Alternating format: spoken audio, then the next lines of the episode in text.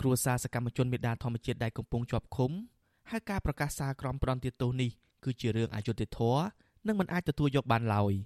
ប្រពន្ធសកម្មជនមេដាធម្មជាតិលោកធុនរដ្ឋាគឺលោកស្រីប៉ាត់រស្មីថ្លែងទាំងខកចិត្តថាសារក្រមតុលាការក្រុងភ្នំពេញមិនបានផ្ដល់យុត្តិធម៌ដល់ប្តីលោកស្រីឡើយប៉ុន្តែនេះជាការធ្វើបាបប្រជាពលរដ្ឋដែលហ៊ានចេញមុខការពារធនធានធម្មជាតិលោកស្រីស្នើឲ្យស្ថាប័នពាក់ព័ន្ធឲ្យជួយជំរុញទៅអាជ្ញាធរឲ្យដោះលែងប្តីលោកស្រីឲ្យមានសេរីភាពឡើងវិញ។ តែខ្ញុំមានអារម្មណ៍ឈឺចាប់ខ្លាំងមែនទែនដែរប្តីខ្ញុំទទួលបានភាពអយុត្តិធម៌មែនទែនហ្មងហើយក្នុងនាមខ្ញុំជាគ្រួសាររបស់គាត់ខ្ញុំពិតជាសោកស្ដាយហើយហើយខ្ញុំក៏លែងជឿជាក់លើលើតឡាការទៀតណាខ្ញុំលែងជឿលើច្បាប់ហើយខ្ញុំមានតែជឿលើច្បាប់កម្ពុជាវិញខ្ញុំជឿថាថ្ងៃណាមួយអ្នកដែលបំផ្លាញព្រៃឈើហ្នឹងនឹងវិនិច្ឆ័យហើយអ្នកដែលដែលការពារពួកអ្នកដែលកាប់បំផ្លាញហ្នឹងនឹងទទួលផលកម្មដែលពួកគេបានធ្វើ ស្តៀងគ្នានេះដែរប្អូនស្រីកញ្ញាលងគុន្ធាគឺកញ្ញាលងសុកស្រីលីនលើកឡើងថាសារក្រមប្រន្ទាទោសនេះគឺអយុត្តិធម៌ព្រោះបងស្រីកញ្ញាមិនបានធ្វើខុសដោយការចោទប្រកាន់របស់តុលាការនោះទេកញ្ញាថាសារក្រមនេះគឺជាការគំរាមកំហែងនិងរារាំងយុវជនមិនឲ្យចូលរួមសកម្មភាពការពារបរិស្ថានទៅវិញទេ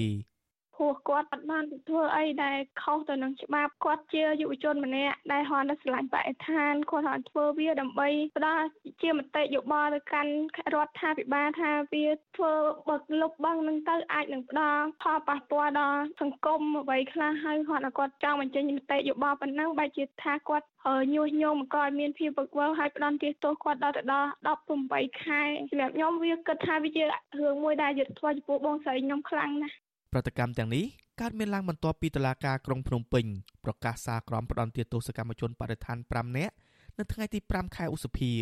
តុលាការបានសម្រេចផ្ដន្ទាទោសលោកធុនរដ្ឋានិងសកម្មជនបរិស្ថានជនជាតិអេស្ប៉ាញលោកអេលិចដាក់ពន្ធនាគារ20ខែចំណែកកញ្ញាលងគុន្ធាកញ្ញាភួងកែវរស្មីនិងកញ្ញាជាកន្ធីនតុលាការបានផ្ដន្ទាទោសដាក់ពន្ធនាគារ18ខែជាមួយគ្នានេះតុលាការពិន័យអ្នកទាំង5ជាប្រាក់4លានរៀលឬប្រមាណ1000ដុល្លារក្នុងម្នាក់ម្នាក់ លោកអេលិចនិងកញ្ញាជាកន្ធីនតុលាការប្រកាសសារក្រមផ្ដន្ទាទោសកំបាំងមុខនិងបង្គាប់ឲ្យចាប់ខ្លួនអ្នកទាំងពីរយកមកអនុវត្តទោសតុលាការផ្ដន្ទាទោសកម្មជនទាំងនេះពីបទញុះញង់បង្កឲ្យមានភាពវឹកវរធ្ងន់ធ្ងរដល់សន្តិសុខសង្គមប៉ុន្តែសម្រាប់លោកអេលិចតុលាការបានបដូរបទចោទទៅជាបទសំគំនិតក្នុងអំពើញុះញង់វិញមេធាវីការពីក្តីឲ្យសកម្មជនមេដាធម្មជាតិលោកសំចម្រើនយល់ថា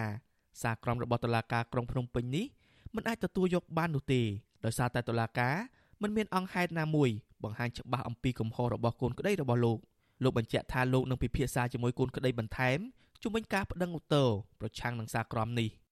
យើងមិនអាចទទួលយកសេចក្តីសម្រេចដែលមានក្នុងសារក្រមនេះបានទេហើយយើងនៅពិភាក្សាជាមួយកូនក្តីបន្តទៀតថាត្រូវធ្វើយ៉ាងម៉េចបន្តទៀតណាព្រោះយើងនៅមានពេលមួយខែសម្រាប់ដាក់បណ្ដឹងតោមូលហេតុដែលយើងអត់ទទួលយកបានដោយសារយើងយល់ថាគ្មានអង្គហេតុណាមួយដែលបង្ហាញថានៅក្នុងសំណុំរឿងដែលបន្ទាប់ពីការសួរលេងដោលនោះបង្ហាញថាពួកគាត់មានកំហុសឬការចោទប្រកាន់ទេក្រុមអ្នកការពារសិទ្ធិមនុស្សជាតិនិងអន្តរជាតិរួមទាំងតំណាងប្រទេសប្រជាធិបតេយ្យផងបានថ្កោលទោសរបបក្រុងភ្នំពេញ ជំវិញការផ្ដន់ទោសកម្មជនបរិស្ថានទាំងនេះប្រធានផ្នែកសិទ្ធិមនុស្សនៃសមាគមការពារសិទ្ធិមនុស្សអាត់ហុកលោកនីសុខាមានប្រសាសន៍ថា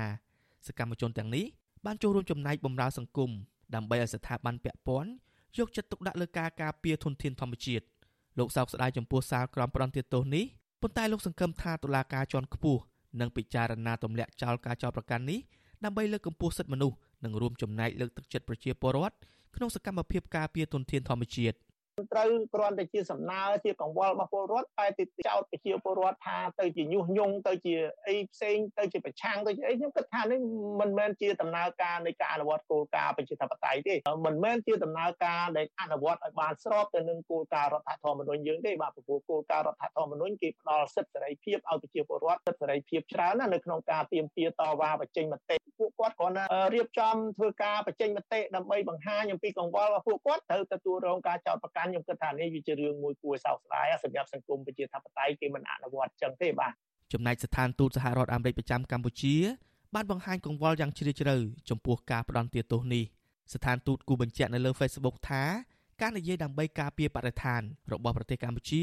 ដែលរងការគំរាមកំហែងដោយការកាប់ឈើនិងការធ្វើអាជីវកម្មខុសច្បាប់គឺជារឿងដែលគួរឲ្យកោតសរសើរ ហើយសកម្មជនមេដាធម្មជាតិបានធ្វើសកម្មភាពប្រកបដោយសន្តិវិធី